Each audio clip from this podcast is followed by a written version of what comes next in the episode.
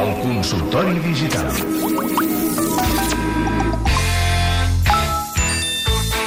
Cada dimarts al matí a Catalunya Ràdio solucionem dubtes de l'univers tecnològic amb Mariola Dinarès. Bon dia. Hola, bon dia. Albert Murillo, com estàs? Molt bon dia. Bé, Ah. molt bé.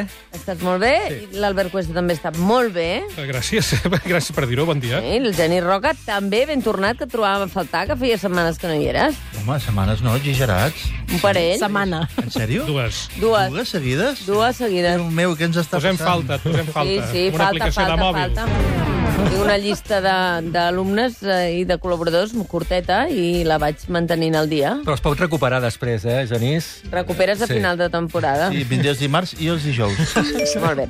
Abans de començar les consultes dels oients, escoltem totes les opcions que teniu per participar-hi.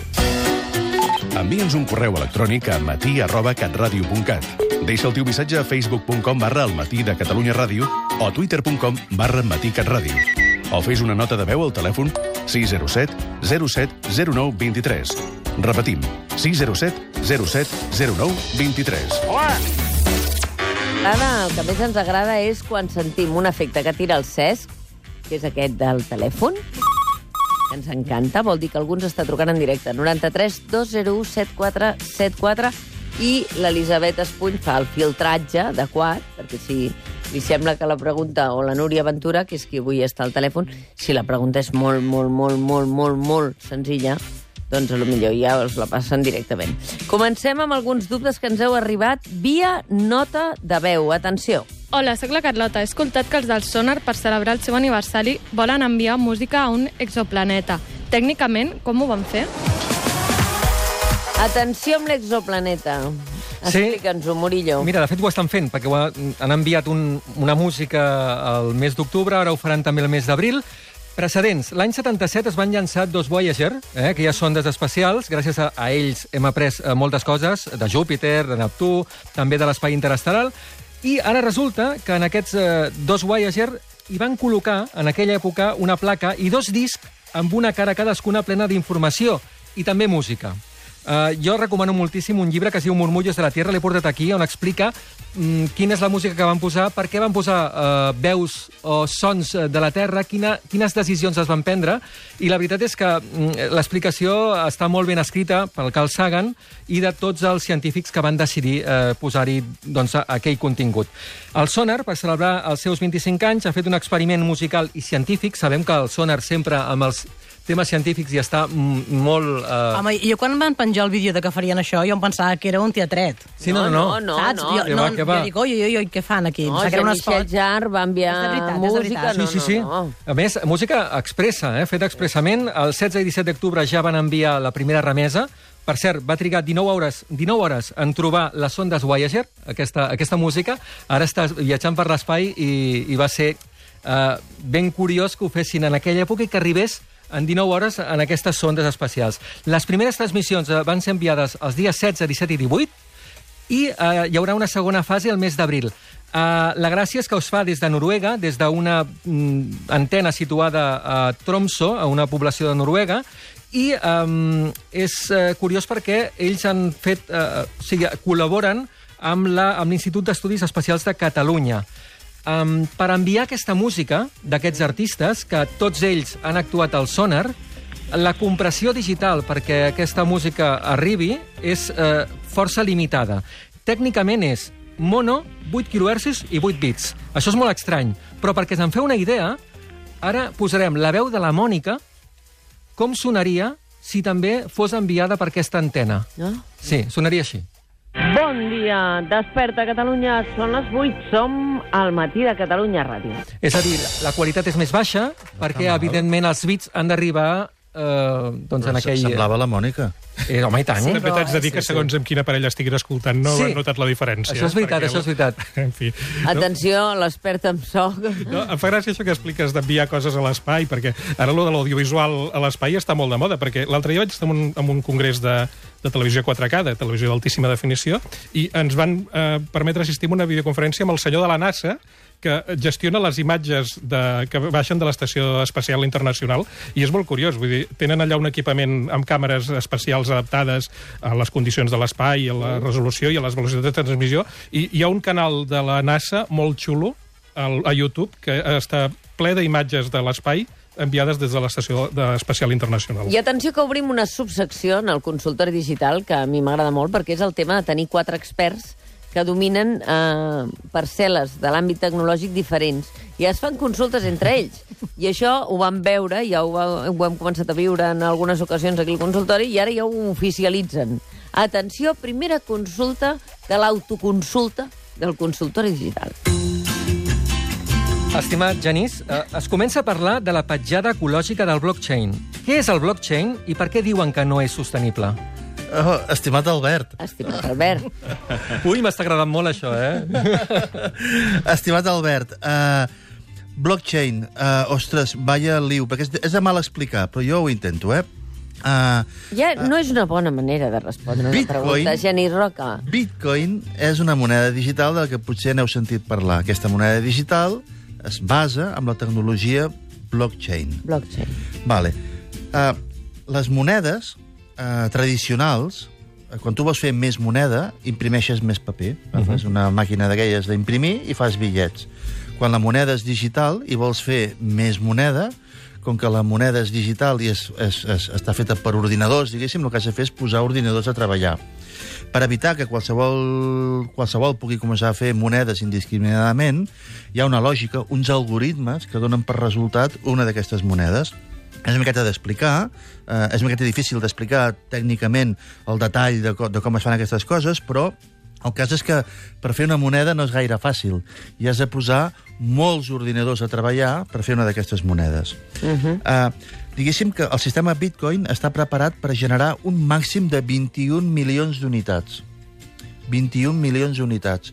Per tant, els, els que fan monedes Bitcoin, que en diuen els miners, Sí. eh, poden anar fent, però han- hi ha un tope de 21 milions d'unitats. Llavors, eh, mal explicat, però perquè s'entengui, és una imatge retòrica gairebé, hi ha, és com si hi hagués una endevinalla matemàtica eh, que qui la resol obté com a premi uns bitcoins. Llavors, hi ha uns, un, un, això, unes endevinalles matemàtiques que qui les resol guanya 25 bitcoins. Val? Llavors, cadascuna d'aquestes endevinalles matemàtiques respon a uns algoritmes aleatoris, vull dir que si t'hi poses ara, el resultat seria un, però si t'hi poses d'aquí tres mesos, el resultat seria un altre. Per tant, hi ha molta gent competint a la vegada, fent aquest processament, Molts xinos, no? Diuen molts que hi ha... xinos i molts coreans per veure si com a resultat obtenen d'aquests bitcoins. Què val un bitcoin avui? 6.000 euros. Si tu fent això generes, guanyes 25 bitcoins, estàs guanyant 130.000 euros. Si fas 7 o 8 euros, 7 a 8 bitcoins, estàs parlant de guanyar un milió d'euros. Doncs el resultat és que hi ha un mogollon de gent competint processant per fer això. Tanta màquina per fer això cal un software i un hardware especialitzat, hi ha tants ordinadors treballant per fer això, que ING, el banc, va calcular que aconseguir un bitcoin, un, demana 200 quilowatts hores, que és l'equivalent a una llar connectada durant un mes. O sigui, el, el consum de casa teva durant tot un mes és l'energia que es necessita. La xarxa Bitcoin es calcula que està consumint ara 21 tera, Bats? terawatts Hora. hora. Que és- deu ser molt, no? És el consum anual de 2 milions de cases o tot l'Equador. Llavors, fer bitcoins està, podria acabar derivant en un problema energètic i per això la pregunta de això és sostenible pues, no és un tema de si és sostenible econòmicament, és un tema de si és sostenible mediambientalment. Uh, I a banda de que se'ns esclatarà el cap, també. Estimat Genís Roca, eh, automàticament en Cesc eh, en Bertran actualitzarà eh, la portada que li van fer ahir en el Fem-ho fàcil en el nostre amic Oriol Balaguer després d'explicar-nos la recepta del panetone artesà. Va fer un Fem-ho complicadíssim, perquè això que has explicat era molt difícil, de... sí o no? La, la pregunta tenia... Complicat. Home, Fem-ho complicadíssim. Oh, no ha quedat clar? Jo he Però és que aquesta tecnologia és difícil, eh, explicar-ho, del sistema de blocs, de... Ai, fem-ho complicat. Va. El que, el que, complica més? això te, vull dir, No! No, és com la resta de l'economia. Vull dir, és l'economia de l'escassetat, no? Vull dir que, com que només poden haver-hi 21 milions de bitcoins, tothom els vol fer més ràpid que, Que els altres. els altres per tenir-ne més, I no? posen molts ordinadors a treballar per fer-los, eh? Per cert, ahir van superar els 8.000 dòlars els bitcoins. Estan a 8.000 ja? Ja, 8.000. Ves com Déu-n'hi-do, que no? Déu-n'hi-do. Vull dir que Quan no ho vaig ha- veure valien 500 i vaig pensar... No ho compris, això. Genís, no ho compris. que ja no és només Fem-ho complicadíssim. Mira, fem-ho complicadíssim, mira. Fem-ho complicadíssim. Amb Mònica Terribas i... Bé. I Genís Roca. Estic deprimit ara. Tornem a la modalitat tradicional. Preguntes que ens arriben via nota de veu al nostre WhatsApp, al 607 0709 23. Hola, sóc la Berta. Viatjo sovint i ja fa temps que moltes ciutats de l'Estat i la resta d'Europa puc pagar el transport públic amb una targeta de contacte o amb el telèfon mòbil. Com és que aquí no puc fer-ho? Oh, i tant que pots dir coses, Albert Cuesta. Estimada Berta. L'estimada Berta té tota la raó, perquè a Catalunya hi ha regions com la metropolitana de Barcelona que van ser pioneres en implantar la T10, diguéssim, la tarifa mm, integrada que et permet viatjar amb el mateix bitllet amb diferents operadors. Per cert, a Catalunya hi ha més de 70 operadors de transport. L'altre dia me'n vaig entrar, em va semblar bestial. Uh, però amb l'adopció de les noves tecnologies anem endarrerits. De fet, fa anys que l'ATM, l'autoritat metropolitana del transport, eh, té previst desplegar una cosa que es diu la T-mobilitat, que és un sistema que no només permetrà pagar amb targetes de contacte i amb el telèfon mòbil, com vol, com vol fer la Berta, sinó que també contempla altres coses, com bonificar els usuaris que facin més viatges al cap del mes, vull dir que tu, no, tu tens un preu d'un bitllet, però si viatges molt en transport públic, doncs et poden bonificar. I també, amb la T-mobilitat, inclouran altres sistemes de transport com bicicletes compartides, taxis o aparcaments, és a dir, que podràs pagar no només el transport públic amb la T-mobilitat, sinó altres coses. Però aquesta T-mobilitat que estava previst que entrés en servei l'any 2015 no acaba d'arribar Vaja. eh, per diversos motius que van des de la pasta que costa desplegar-la fins a la tensió, diguem-ne, entre totes les administracions que hi tenen a veure.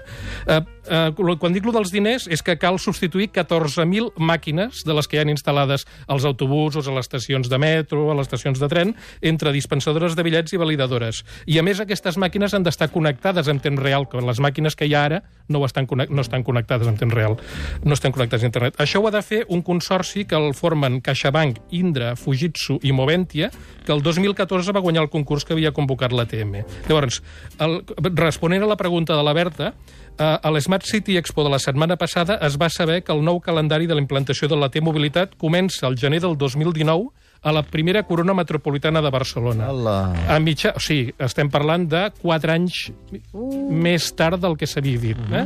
Uh, a meitat de l'any 2019, a la resta de la província, i un any més tard, és a dir, al gener del 2020, hi haurà T-mobilitat, o està previst que hi hagi T-mobilitat, a Girona, a Lleida i a Tarragona.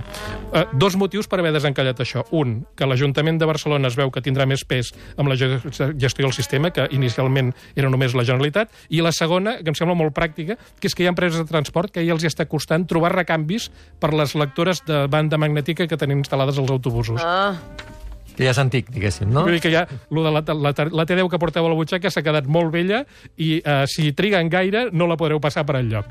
Jo ho he trobat molt complicat, eh? No ho he entès gaire. tu tampoc? La Atenció. La venjança de serà La venjança. Fem-ho complicadíssim. Fem-ho complicadíssim, exacte. Més consultes. Aquesta fa pinta que és més senzilla. A veure... Hola, sóc la Carolina. La meva xarxa habitual és Instagram i fa dies que veig molts vídeos amb una mateixa música. És un efecte dramàtic i sempre amb una càmera que s'acosta. Algú sap com es fa aquest efecte i per què ara tothom ho fa? Ho he buscat i a mi no em surt això. Gràcies. Aquesta és tan fàcil i tan tonta que ara em quedaré amb vosaltres. A veure, Després Mariola Dinarès. El, el nivell estava allà dalt, jo est- ara aniré allà baix, allà baix. És una nova eina d'Instagram que es diu Super Zoom. Eh? Super Zoom. És molt fàcil, és una eina absurda i per tant és de les que té més èxit. És ideal per donar un toc dramàtic en una història d'Instagram. Eh, cal anar a l'aplicació d'Instagram, obrir les històries, a sota, on hi ha la possibilitat de l'efecte boomerang i el rewind, entremig hi trobaràs un, una rodoneta i que hi posa l'efecte Super Zoom. Escollir el nostre objectiu. Mira, jo, per exemple, ara obro la meva història, busco el meu objectiu, que és la Mònica Terribas, vaig a Boomerang, vaig al Super Zoom, espera que em poso el... Per el... què sempre em toca el rebre a mi? No, perquè A veure, i ara què estàs fent? Trobo molt complicat. ara, ara ho he fet, eh? Ara, ara t'he fet el Super Zoom, eh? Llavors, eh, busques un objectiu, una Sí. foto, i el que fas és um, prems el botó Sí. i l'eina fa un zoom ràpid de 3 segons de durada. Tan, tan, tan, saps? Espera't, és que ara no em sona perquè com que li he silenciat el telèfon... Ah, ja sé què és, això, ja. Saps? Sabeu el que és, Ara no? Sí, sí, ara sí, ara sí. Ja és que no sé perquè l'he silenciat tant que... Ah, sí, ja ho veig. Eh? Ah. Ho has vist? És com, com a les pel·lícules, eh? Espera't. Pam, pam, pam. És que m'he un- silenciat un- i ara no em sento... No, no No, el no volum. et surt perquè és molt complicat, ja t'ho És un deia. tema cinematogràfic. Avui esteu, esteu complicats, eh? Anem a Fem-ho veure, complicadíssim. No sé, perquè si toquem el botó durant més estona estem aconseguint un zoom més llarg, surt la música automàticament, eh? Ai, Vinga. però ara perquè no em surt, ara em fa ràbia. Aquesta setmana ens han arribat Uah. unes quantes, moltes al mòbil del programa. Anem a sentir-ne una altra. Hola, bon dia, sóc en Raül i voldria saber si l'aplicació de Catalunya Ràdio es pot iniciar sola a les 8 del matí, que és quan vull començar-la a escoltar. Molt bé, pots sentir-la a les 6, que ja ens escoltem al matí de Catalunya Ràdio. A les bona. 7 o a les 8. Em sembla una molt bona hora per llevar-se, també. Uh, Albert Cuesta, què hem de fer? A veure, l'aplicació de Catalunya Ràdio no té aquesta funció oh. i la podria tenir. Vull dir que és un carta, carta als Reis pel desenvolupadors de l'aplicació de Catalunya Ràdio. Mentre no ho facin, hi ha solucions, sobretot si tens telèfon d'Android. Uh, oi que el Raül ha dit... Uh, De seguida ha tirat la Android? pulla contra els iPhones. No. A veure, hi ha una aplicació que es diu Task Bomb, la bomba de les tasques, que és per Android, em sap greu, que permet programar l'en- l'encesa d'una altra aplicació, que en aquest cas podria ser la de Catalunya Ràdio. Mm. Uh, uh, dic que per Android perquè l'aplicació d'Android de Catalunya Ràdio ja engega amb, amb, amb, amb, amb el so de Catalunya Ràdio. Vull dir que si vols escoltar ICAT, eh, Catalunya Música o, o Catalunya Informació, doncs en aquest cas no funcionaria. I hi ha una altra opció, que és una aplicació de, de, també que existeix per Android i per iPhone, que es diu TuneIn Radio, que és un sintonitzador d'emissores per internet. Hi ha milers d'emissores que emeten per internet. Tune in Ràdio, eh? Tune in Radio. Radio. Uh, entre aquests milers d'emissores, evidentment, hi ha totes les d'aquesta casa, i amb aquesta aplicació tu pots programar a quina hora vols que s'encengui. Tu busques Mm. l'emissora que vols, a TuneIn Radio, obres el menú d'opcions, que són aquells tres puntets que Sí. et despleguen un menú, llavors tries l'opció set alarm, programar alarma, esculls l'hora, fins i tot pots dir eh, que quins dies de la setmana vols que et desperti. Si els dijous no treballes, doncs li dius que no et desperti, encara que jo crec que aquest programa s'ha d'escoltar cada dia, encara que no treballis. Um, i llavors l'estona que vols que duri i fins i tot quan repeteix. Uh, hi ha una diferència entre Android i iPhone. Android funciona fins i tot si deixes l'aplicació uh, apagada. O sigui, tu et tanques l'aplicació i quan arribi l'hora s'engegarà l'aplicació i et posarà l'emissora que tu has triat.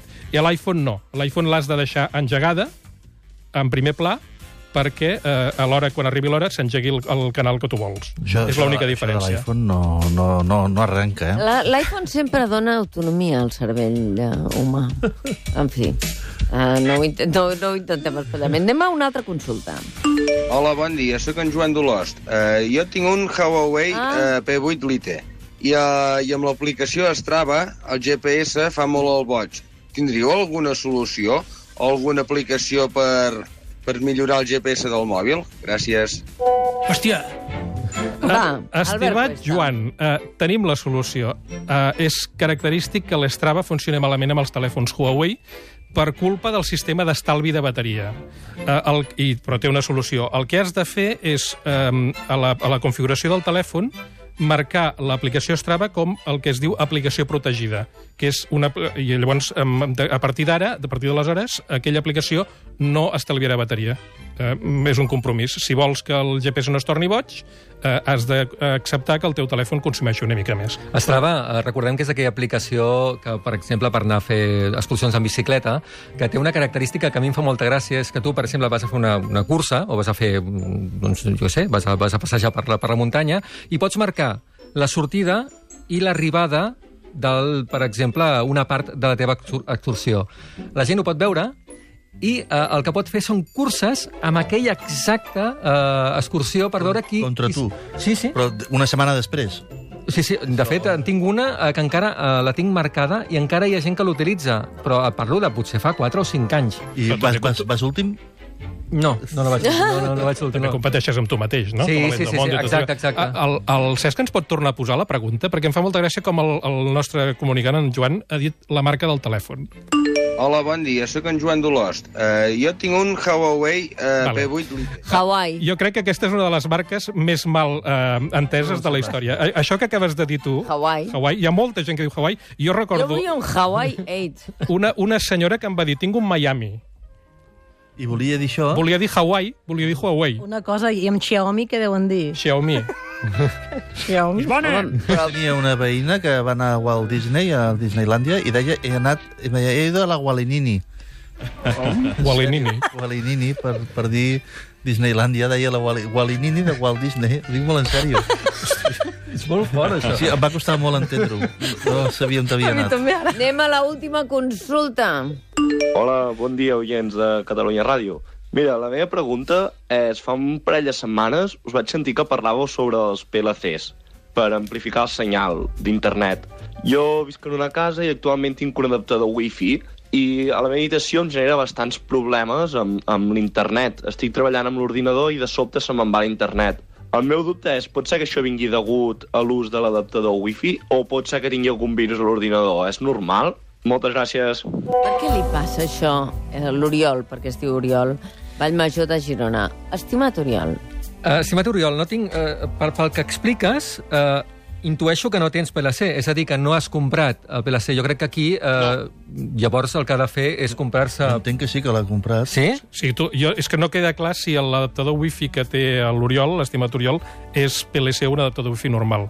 Mm. A mi no em queda clar. En qualsevol cas, eh, eh, crec que l'Albert anava a dir si no tens PLC, compra un PLC. Sí, que crec que... Que hi ha PLCs, hi ha adaptadors... Aviam, el, els oients, els adaptadors PLC són aquests que substitueixen el cablejat de xarxa intern de la casa pel cablejat elèctric, pels endolls. O sigui que te, El reaprofita per, per posar... envies, sí. transmets, distribueixes internet pel, per casa teva mitjançant els endolls de casa. Uh Mhm. -huh. I, però és que hi ha adaptadors PLC d'aquests que tenen funcionen com a antena wifi.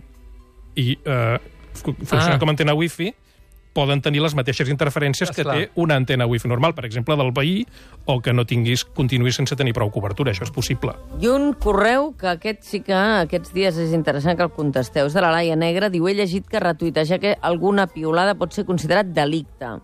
Per exemple, un usuari fa poc va ser condemnat a un any i mig de presó per fer un retuit que va ser considerat enaltiment del terrorisme.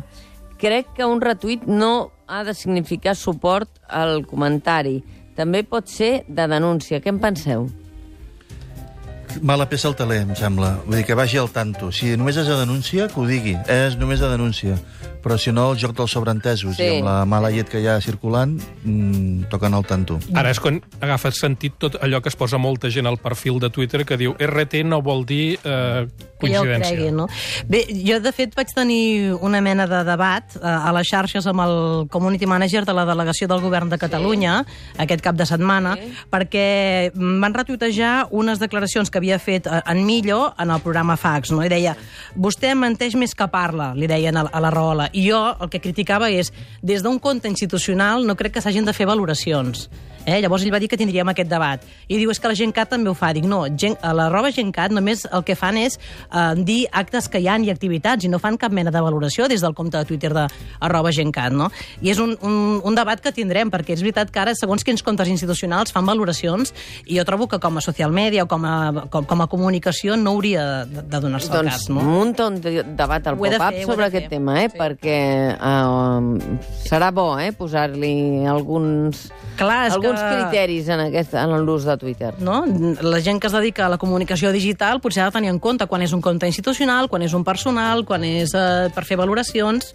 Crec que ara està Però una mica desendreçat. tot Aquest debat té el, eh, ja té la derivada de si la gent pot fer, la gent que treballa en una empresa o en una institució pot fer servir el seu compte personal Ah, per determinades coses, que això ja també té... Té tela. Moltíssimes gràcies, senyors i senyores del consultori digital. Moltes gràcies. Vinga. Adéu-siau. Adéu.